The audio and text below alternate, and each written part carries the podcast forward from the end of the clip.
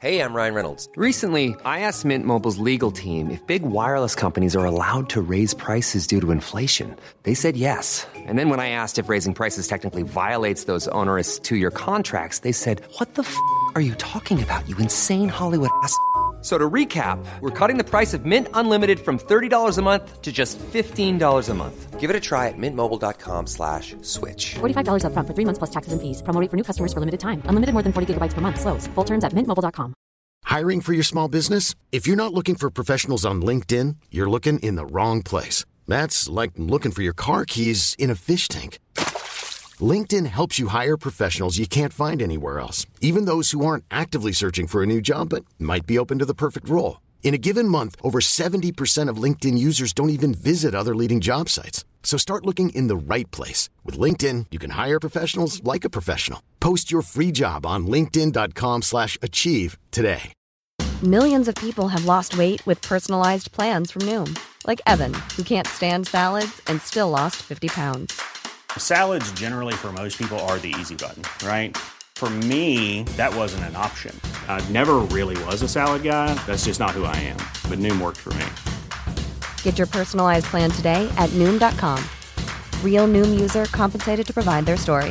In four weeks, the typical Noom user can expect to lose one to two pounds per week. Individual results may vary. Programmet presenteras i samarbete med Kraft, ett hjärta som klappar för hästfoder.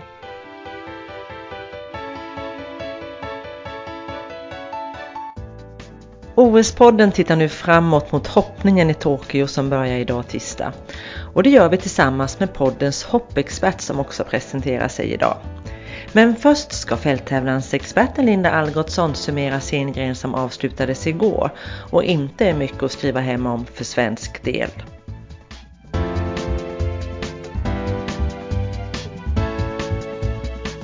Ja, men det blev ju en otroligt spännande dag. Först avgjordes lagfinalen där eh, alla ryttare skulle rida och eh, där man korade de bästa lagen. Och från lagfinalen så gick de 25 bästa individuellt vidare till en individuell hoppning som eh, började lite senare på kvällen.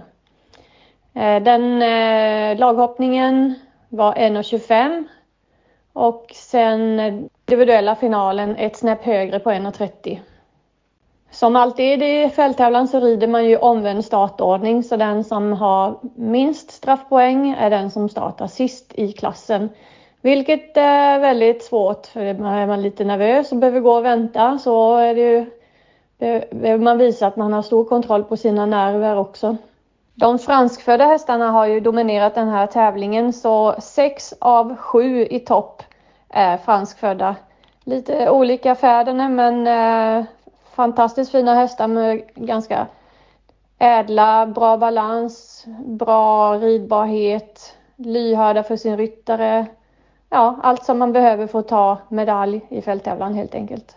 Lite intressant när man tittar på stammarna på hästarna är att den här eh, Colorado Blue som Austin och Connor tävlade med eh, efter Jaguar Mail eh, är bror till Ballamist som är Ludvig Sveneståls häst. Det är samma möderne på dem.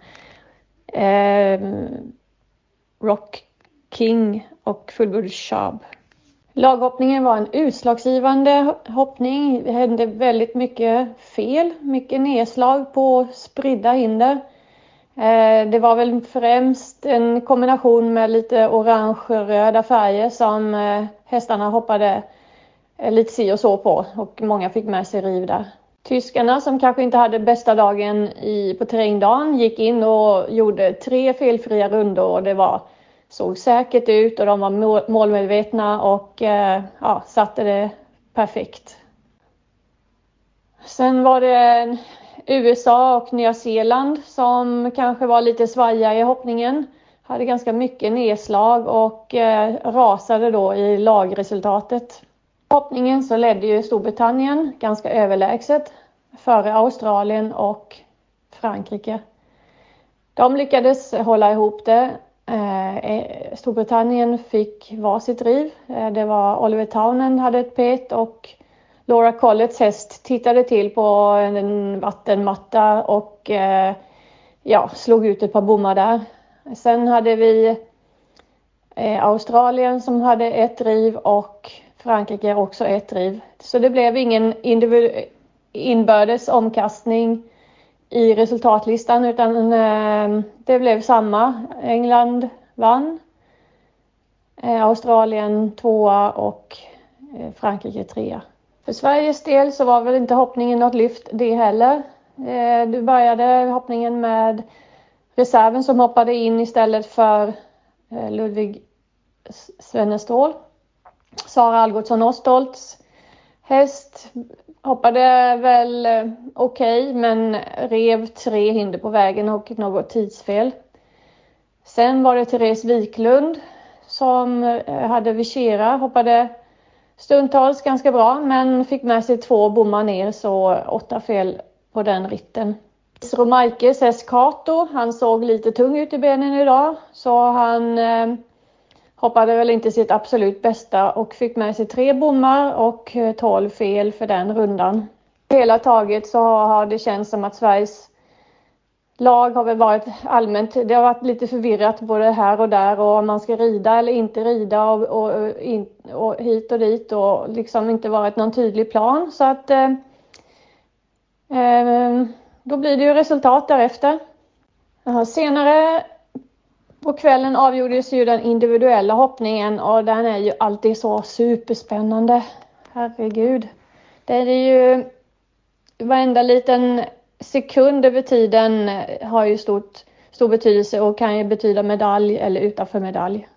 Skillnad mot en vanlig fälttävlan och en OS-fälttävlan är ju att det är en andra banhoppning efter den ordinarie hoppningen så att säga.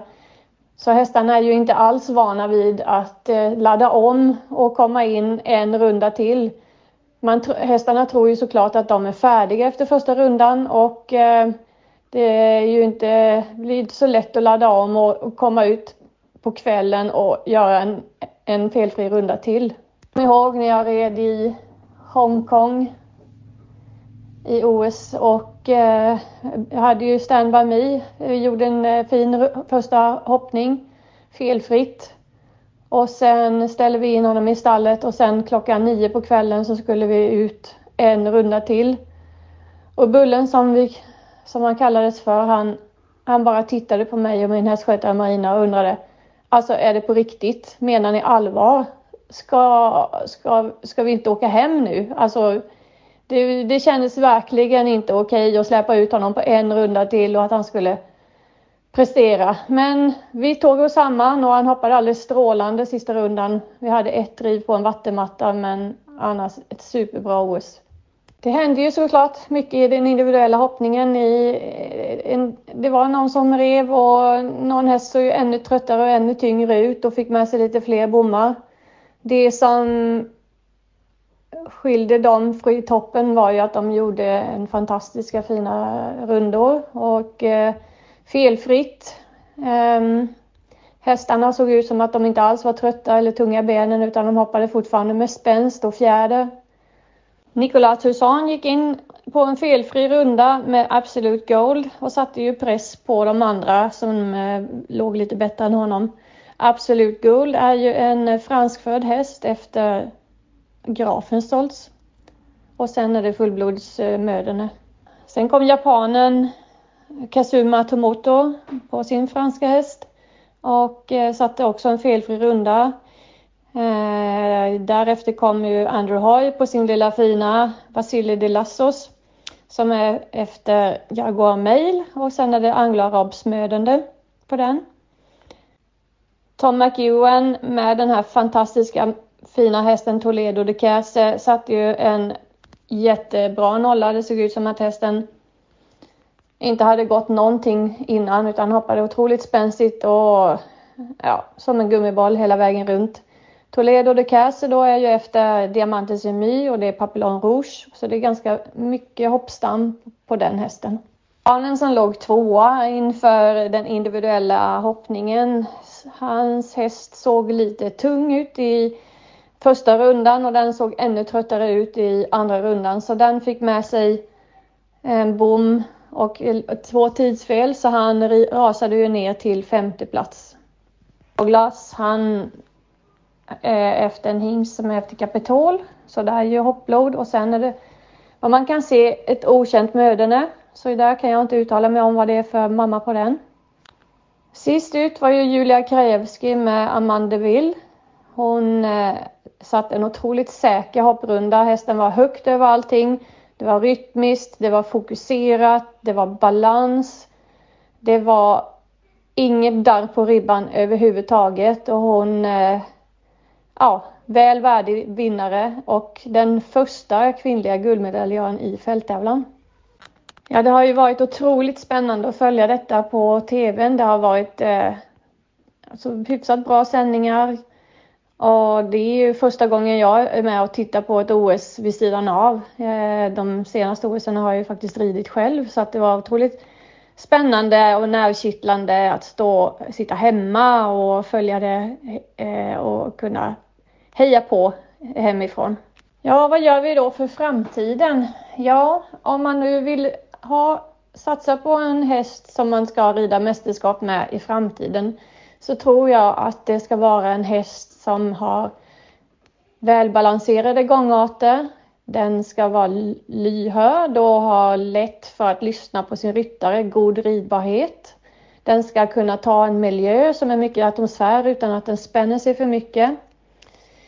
I terrängen ska den ju såklart vara modig på hinder. Den ska ha en lätt, lättväxlad galopp så att du kan eh, öka steglängden och minska steglängden på kort sträcka så att det absolut inte kostar någon tid.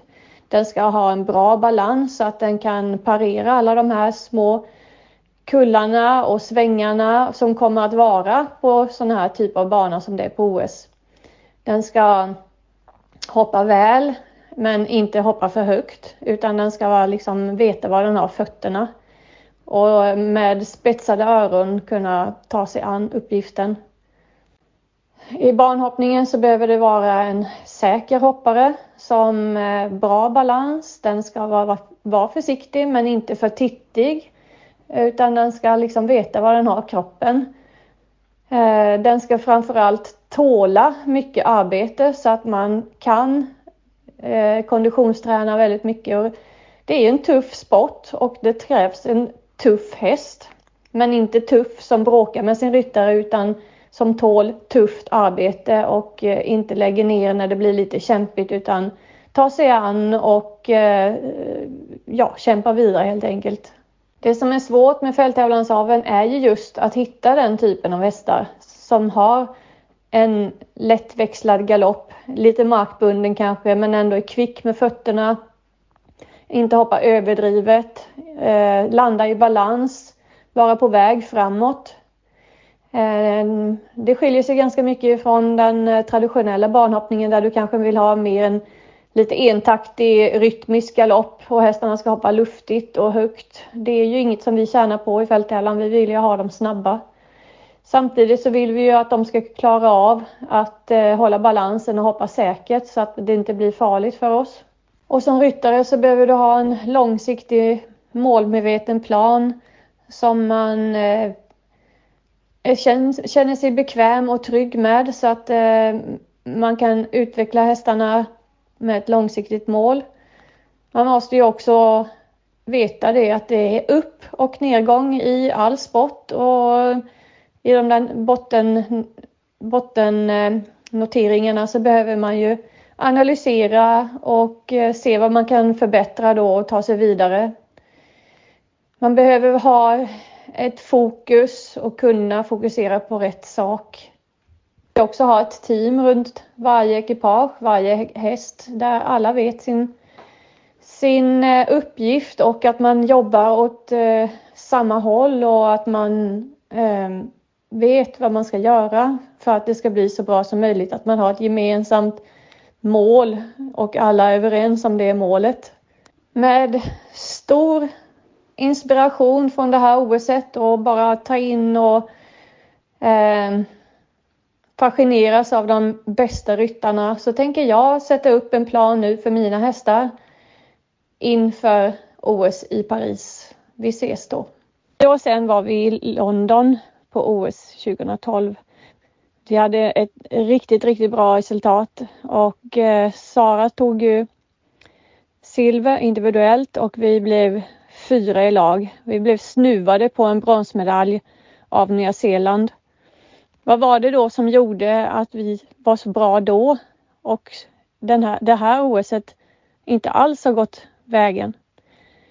Ja, en stor bidragande orsak är ju att vi hade ju såklart väldigt bra ekipage. Vi hade fem hästar och fem ryttare som var hungriga på uppgiften. De var väl förberedda.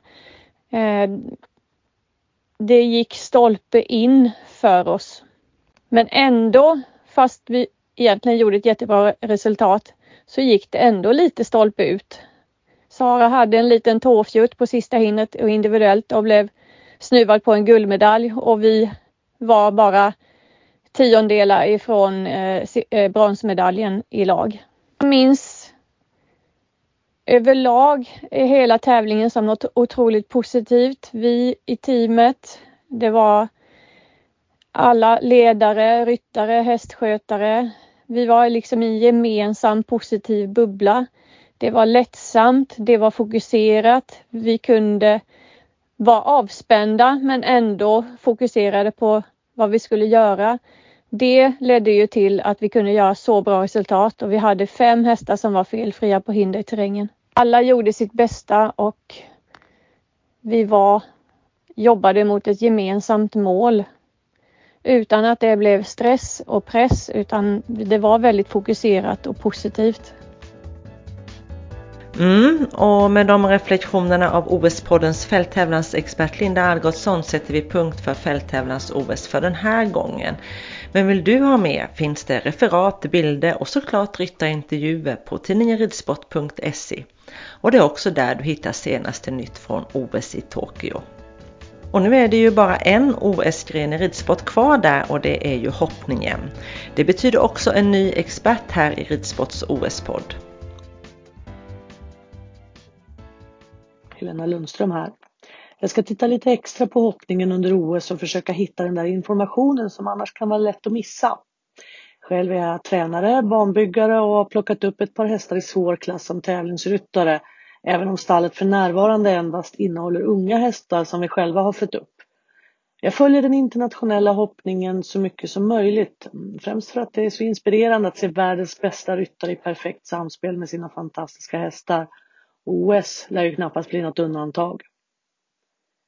Tisdag lunch svensk tid är det alltså dags för hoppningen att dra igång i Tokyo. Alla hopphästar har klarat den inledande veterinärbesiktningen och igår kväll fick de träningshoppa på arenan. Våra svenska hästar såg enligt uppgift fina och fräscha ut, vilket de inte var ensamma om och det ska bli otroligt spännande att följa första omgången. Formatet har ju justerats för alla tre OS-grenarna, men hoppningen är nog den gren man skruvat mest på. Om det är bra eller dåligt, det vet vi inte förrän senare i veckan, men det finns en del att fundera över och kritiken har varit ganska stark.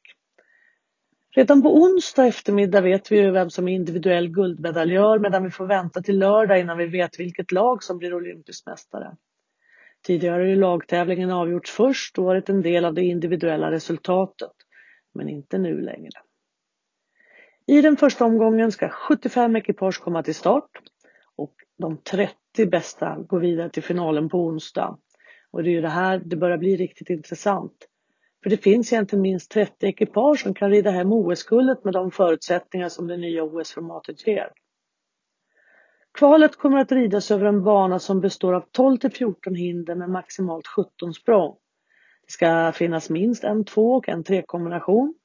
Vi lär nog få se vattengraven redan i första kvalet, för den ska enligt reglerna användas i två eller tre av de fyra klasserna som rids under veckan. Maxhöjden i det här första kvalet är, eller i kvalet, det är ju bara ett. Eh, men maxhöjden på hinnen är i alla fall 1,65. Minimihöjden 1,40 och maxlängden på oxarna 2 meter. Men jag tror inte att vi får se en oxer som är 1,65 och 2 meter hög och 2 meter lång. Utan det är ju de reglerna då som är uppsatta. Som regel så har man ju lite lägre oxar men framförallt när de är lite längre. Det står också att minst två räcken måste vara 1,60. Så det står inte att det måste, måste vara 1,65 men banbyggaren har alltså möjlighet att höja hindren så pass mycket. Banan ska dessutom vara mellan 5 och 650 meter lång och tempot är 400 meter per minut så att det gäller att galoppera på för att inte få tidsfel. Och så kommer vi till bedömningen som är satt till A. Alltså alla med samma antal fel är lika placerade och där tiden egentligen inte ska spela någon roll. Men i det här formatet kommer tiden ha stor betydelse. För blir det fler ekipage med samma antal fel på plats 30 så är det tiden som avgör vem som tar sista finalplatsen. Och dessutom kommer tiden att ha betydelse för startordningen i den individuella finalen. Felfri och snabbast kommer att ha fördel av att starta sist. Så det kommer att bli en rejäl utmaning för den spanska banbyggaren Santiago Varela att skapa en bana som håller rätt nivå. Han vill säkerligen inte ha för många felfria men med tanke på hur skickliga ekipage som kommer till start så är det ingen enkel uppgift. Frågan är om det räcker med att rida en snabb fyrafelsrunda för att ta sig till final. Väl i finalen börjar alla om på noll men det pratar vi mer om när vi vet hur finalfältet ser ut. Eh, och nej, det blir inget förhandstips idag.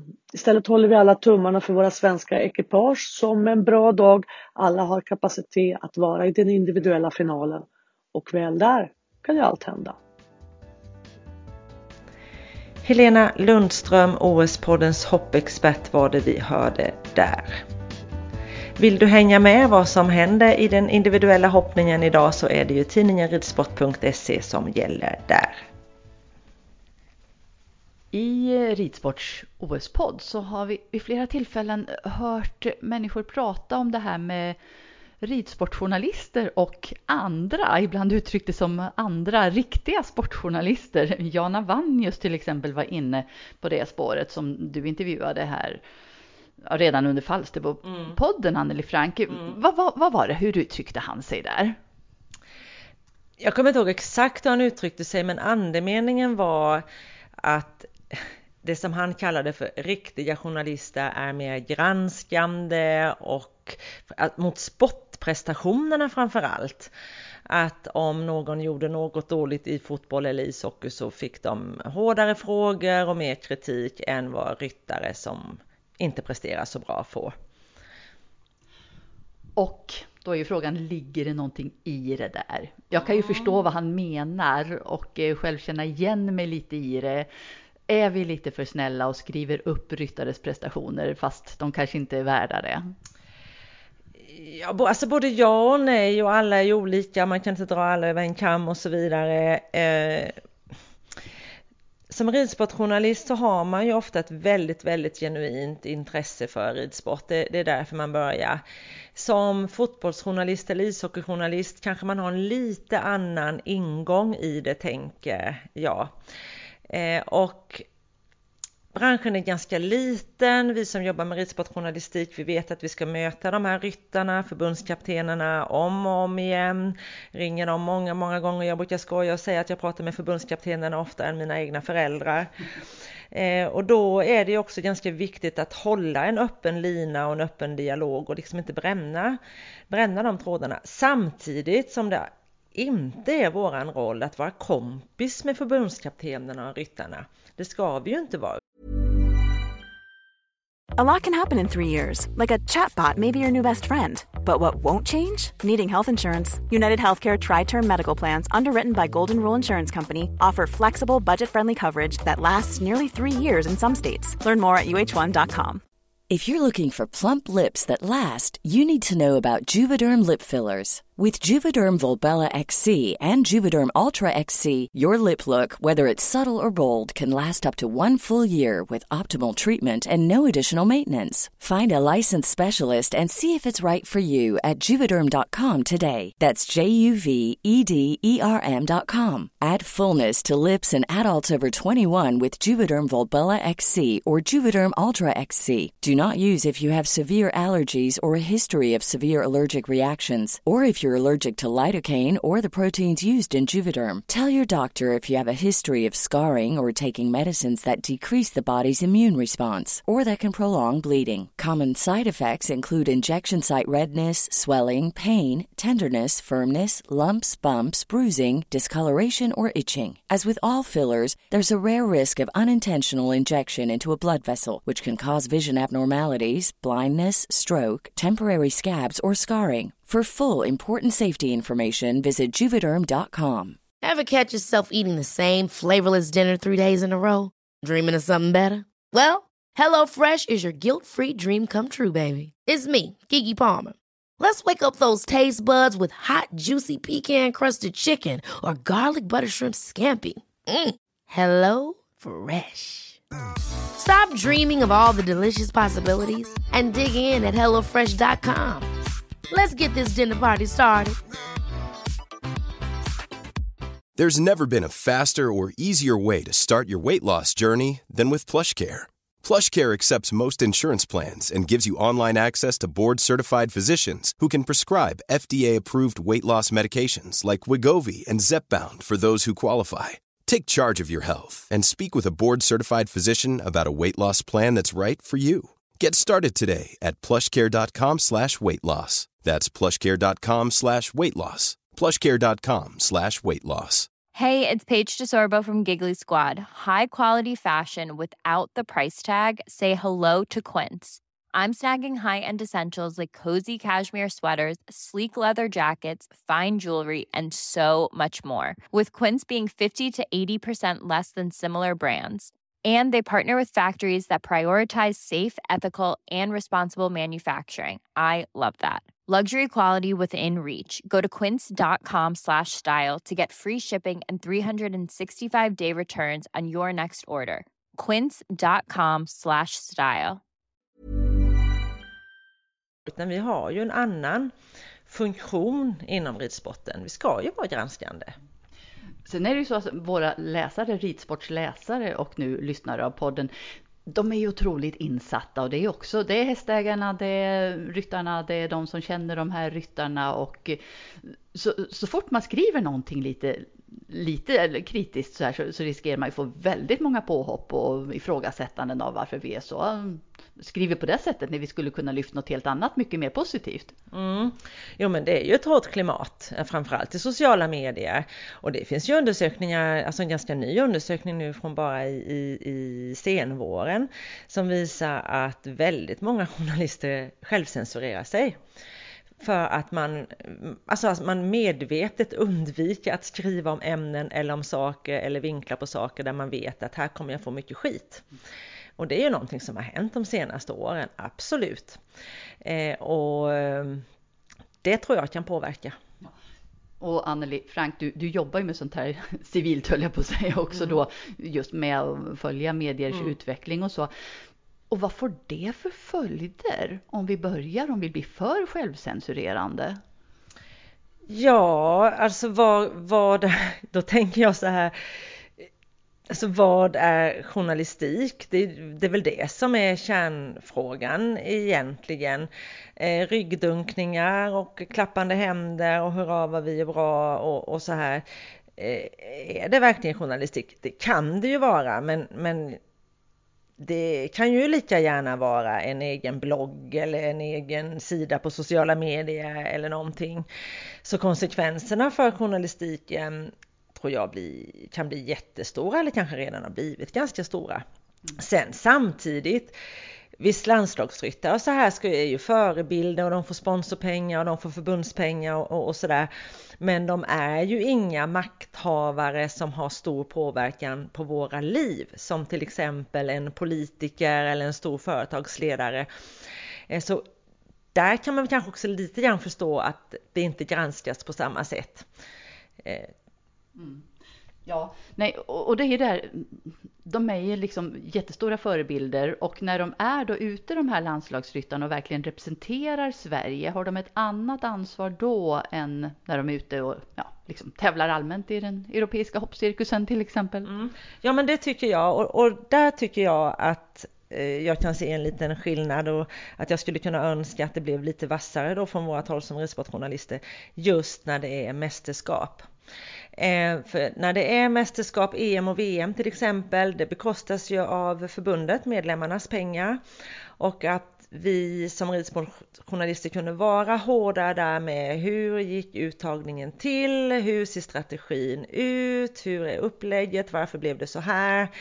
Eh, och att det då är en skillnad när, precis som du säger Anna, när de åker runt på den europeiska hoppcirkusen, för de är ju företagare där också. Det är ju liksom deras egna företagare och unghästar och sådär. Där kanske vi inte har samma att det är befogat på samma sätt att vara kritisk och ställa de här frågorna. Men hur funkar det då? Det kan jag fundera på för egen del också. Hur funkar det när man ena dagen ändå vill liksom applådera och berätta om något jättefint, gulligt, något nytt föl som har fötts hos någon toppryttare och andra dagen måste återkomma med ganska kritiska frågor. Klarar vi ut de här olika rollerna? Klarar ryttarna, förbundskaptenerna, Ridsportförbundet av att hålla isär? När gör vi vad så att säga? Ja, det skulle jag nog säga ja på den frågan. Det, det tycker jag nog. Eh, det handlar om att vara professionell i det man gör och förstå de olika rollerna i det här spelet som det faktiskt är. Eh, men det har till exempel hettat till mellan mig och några av förbundskaptenerna flera gånger kan jag säga. Och eh, ja, på gott och ont, men eh, vi har ju lärt oss mycket av det, liksom all, alla parter.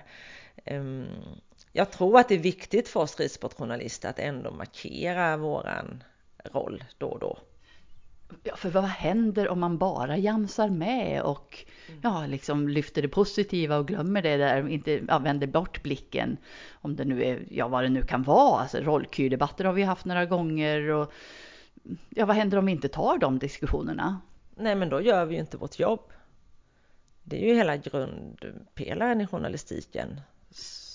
Men vad vill ridsportsläsare ha då? Vill inte de ha det, liksom, det snälla, det positiva, lyfta ridsporten och allt som är däromkring istället för att skriva om kritiska frågor?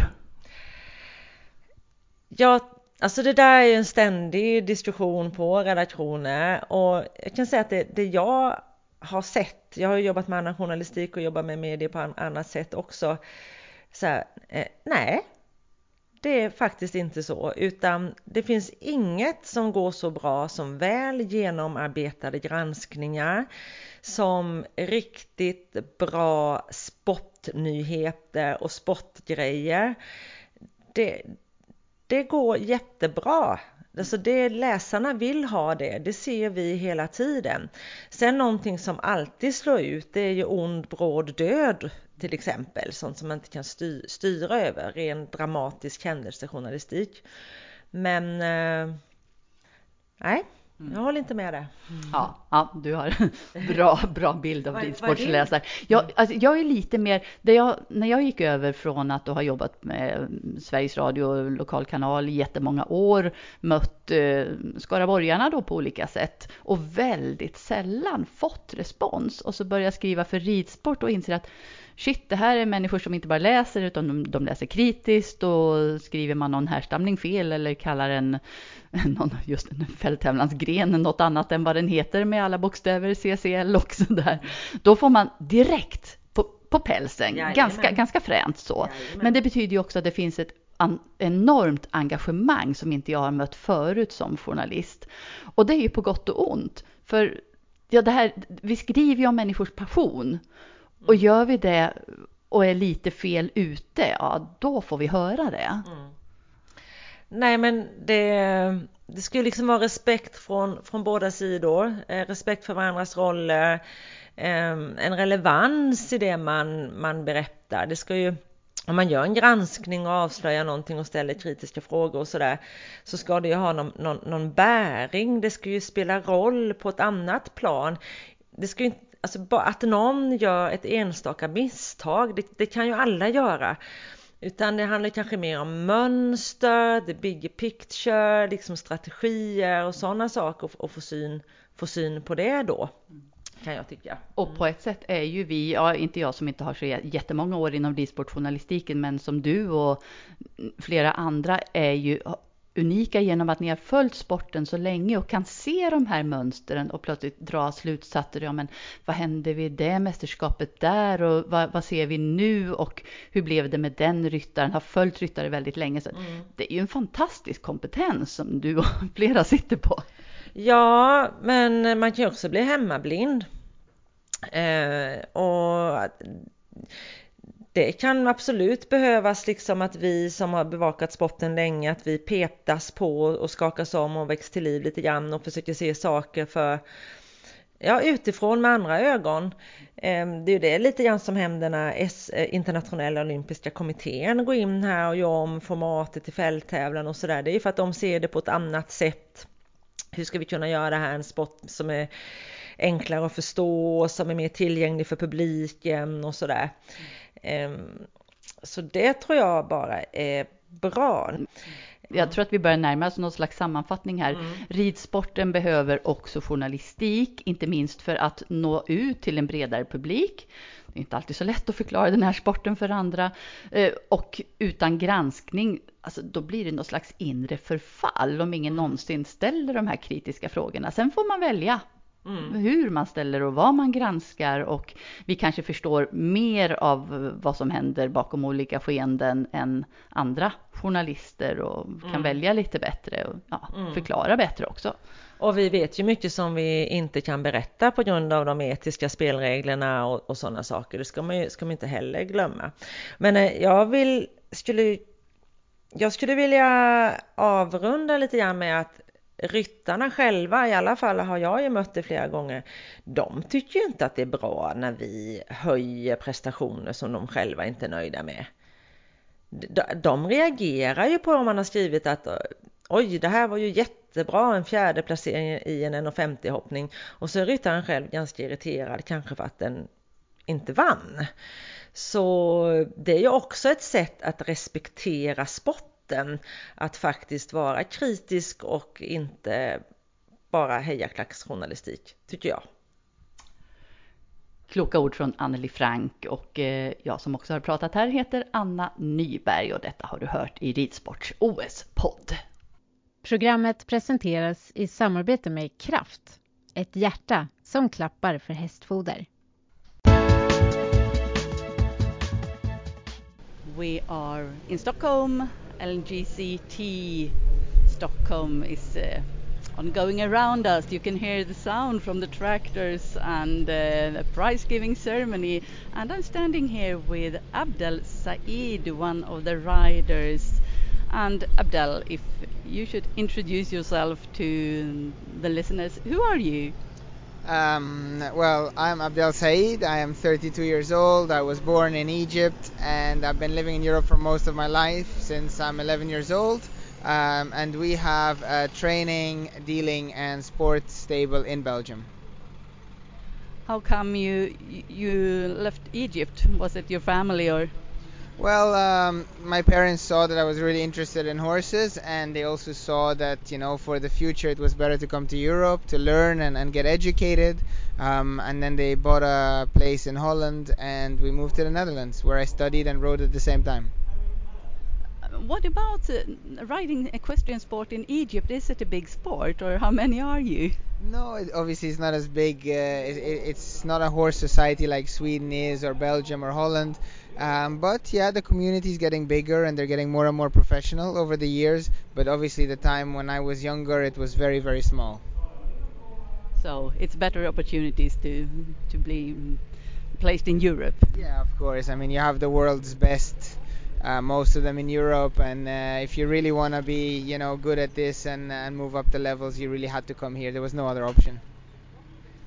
And uh, if you should describe yourself, how, how, good are you? I know where you are at the FEI, FEI ranking list now, right now, but if you should describe it yourself.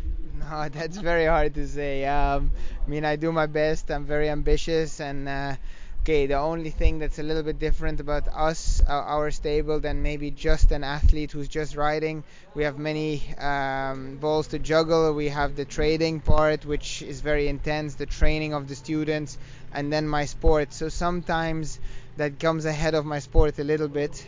Um, but okay, uh, that's the road I chose, and uh, I'm really enjoying, and I want to prove to myself that it can work with doing all three very good. So we keep trying.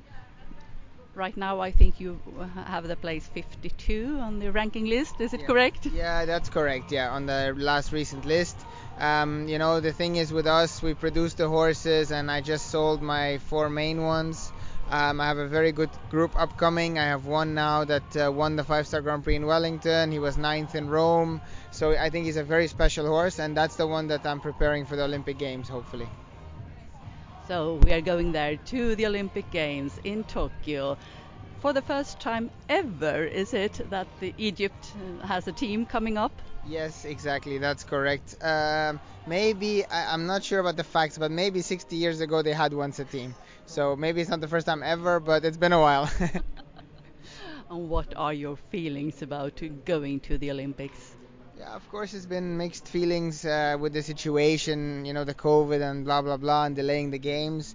Um, but yeah, once you know you get your mind set to it, it's uh, very motivating and uh, looking forward to it. It's an amazing experience. Was there ever double thoughts about going or not going? You know, like you said, it's the it's it's been a very long time that Egypt had a team at the games, and for us, it's it's a no-brainer. If the games happen, we're gonna go and we'll do our best. Um, of course, if our horses are ready, and um, yeah, I think obviously by the results, the horses seem ready, so we'll see. And what about your chances? Again, yeah, this sport it's very hard to predict. You're dealing with a live animal, a partner, so I don't know. But I have a very, very good horse with a lot of blood, which I think will suit him. They say that the temperature it's gonna be pretty uh, warm over there in Japan, humid. So uh, in in that regard, I'm very excited. He's a trier. He's he's a very competitive horse. So we'll see. Tell me a little, well, tell us, listeners as well, a little bit more about your place in Belgium? Is it big? How many horses do you have? Well, uh, we have 32 horses based at our sports stable. We also have a big breeding sector which is growing, about 40, 40 young horses. Um, but the sports stable is basically three riders, so myself, Antonia, who's Swedish, um, and Samuel Hutton, who's been with us now for six years, a very, very good rider. Um, and I have students based with me which bring their own horses and uh, they ride with us in our program and develop them to hopefully achieve their goals. And one other sector is try and get us three riders while developing horses and selling up in the sport as high as possible. So yeah, that's that's uh, in a nutshell um, sum it up our stables uh, objectives. And Antonia, the Swedish rider is with you now, and I know there is also a, a pupil student coming, Astrid, I think, yeah, yeah, for yeah. for practice. What about the Swedish young riders? What can you say about them? Um, I, have always been very fascinated about the mentality here in Sweden. Um, I mean, it started by me competing here in Gothenburg many years ago. I love the Swedish public. They're always so supportive, welcoming, and they're very serious um, when it comes to their their sport. Uh, but they also love the horses, and that for me, that that how do I explain that? You don't see that everywhere. Um, you know what I mean? You don't feel that everywhere. You come to a show, they really love the sport, they, the show jumping, and that for me is something that I find so rare uh, that I that I enjoy to work with them even more, if that makes sense. And still, on this level, there are not so many female riders. Most of you are male. Why? Uh, that's a difficult question. It's a tough sport, you know, a lot of ups and downs. And I mean, for me, for example, this weekend I've been having a very, very good run the last few weeks. Um, and then this weekend, okay, in the big classes, my horse doesn't feel great, so I'm simply not riding today. Um, you know, it's it's a tough sport. That could take a lot out of you and make you doubt and and and and somehow you you you have to toughen up and have thick skin a little bit to deal with those days and it's not for everyone. Mm. so, so how should the women be to to reach the top sport no I, I think if it's hard to say woman or man all what i want to say is it is a tough sport and you know it's it's it's it's not easy for for everyone and it's all about the chances you get I think and I, I don't know if saying women or men I, I actually don't have an answer to that specific question but all what I want to say is that yeah you need to get a bit lucky and you need to create your own luck by working hard what is the best with this sport? Is it the horses? Is it the competing, the atmosphere? What do you like most?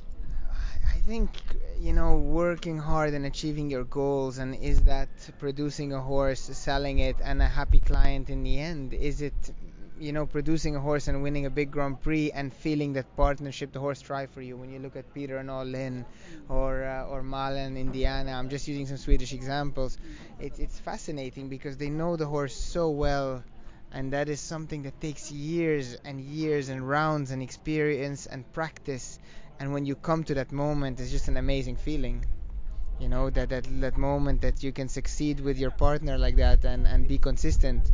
So it's always achieving your goals gives a lot of pleasure because a lot of work put into it behind the scenes. Abdel Said Egyptian rider going to Olympic Games. Thank you so much. I really appreciate it. Thank you very much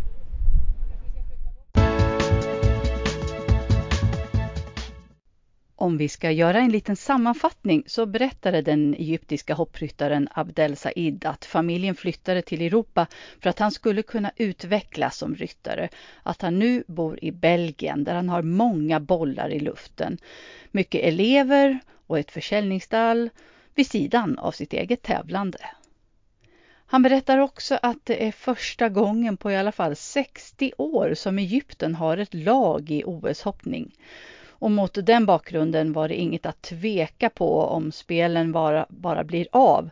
Då åker vi oavsett pandemi, säger han. När jag frågar Abdel Said hur det går säger han att det är svårt att förutse. Det handlar ju om levande djur, men att hans häst Bandit Savoy står högt i blod och att han är tävlingsinriktad. På Abdel Saids anläggning i Belgien finns ett 30-tal tävlingshästar och tre beridare varav svenska Antonia Pettersson Häggström är en. Det kommer också en svensk praktikant i höst och jag frågar Abdel vad han ser hos svenska ryttare och han svarar att han har varit fascinerad av svenska ryttares mentalitet ända sedan han tävlade i Skandinavien för första gången. Han är fascinerad av hur de älskar sporten och sina hästar. Och det är så ovanligt att han vill jobba mer med svenska ryttare.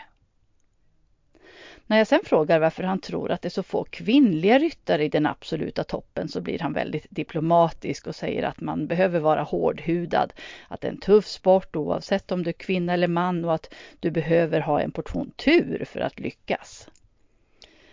Det bästa med sporten, säger han, det är att arbeta hårt och vinna mästerskap men också att ta fram en bra häst och sälja den. Och så partnerskapet med en häst. Det där som kommer efter att man har hållit på i många år och byggt ett team. Det säger Abdel Said, en av de ryttarna som nu tävlar i OS för Egypten.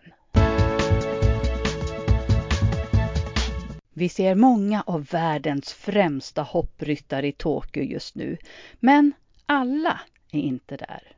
Vi ska höra lite mer om en av dem som inte kommer.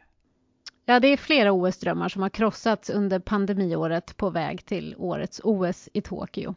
Vid sidan av tragedin som drabbade Fredrik Jönsson med Coldplay har också tyska stjärnan Ingrid Klimke fått ge upp drömmen om att rida OS i två grenar.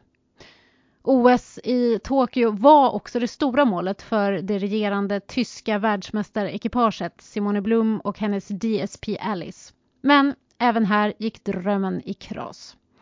Förutom att corona ställde hela 2020 på ända drabbades Alice också av en ryggskada som definitivt satte punkt för säsongen. Inte heller 2021 gick som planerat och i slutet av april meddelade ryttaren att OS-planerna definitivt gått i stöpet. Detta efter att stoet drabbats av ett hematom på benet, en diagnos som krävde en större operation. Hoppstoets karriär är dock inte över, berättar Simone Blum på Instagram. Vi kommer att ge Alice så mycket tid som hon behöver för att få alla ryttares hjärtan att slå snabbare igen i framtiden, skriver hon. Artikeln om Simone Blom var skriven av Susanne Högdahl. Vi som arbetar med Ridsports OS-podd, det är Anneli Frank och jag, Anna Nyberg. I morgondagens podd blir det kommentarer efter den första omgången i hoppning, bland mycket annat. Och senaste nytt, bilder och intervjuer från OS i Tokyo, det hittar du alltid på Ridsports sajt. Programmet presenteras i samarbete med Kraft, ett hjärta som klappar för hästfoder.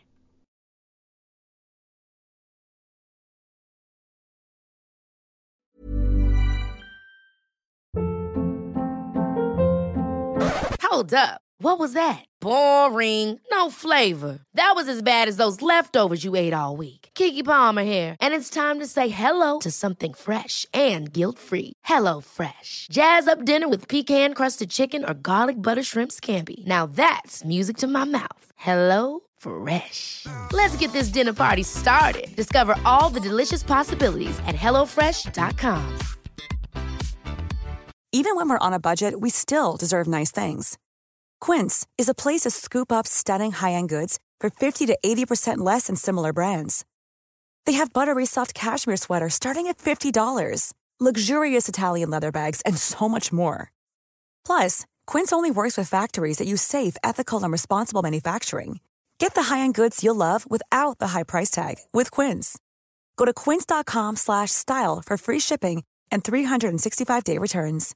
Imagine the softest sheets you've ever felt. Now imagine them getting even softer over time. That's what you'll feel with Bowl and Branch's organic cotton sheets. In a recent customer survey, 96% replied that Bowl and Branch sheets get softer with every wash. Start getting your best night's sleep in these sheets that get softer and softer for years to come. Try their sheets with a 30-night guarantee. Plus, get 15% off your first order at bowlandbranch.com. Code BUTTERY. Exclusions apply. See site for details.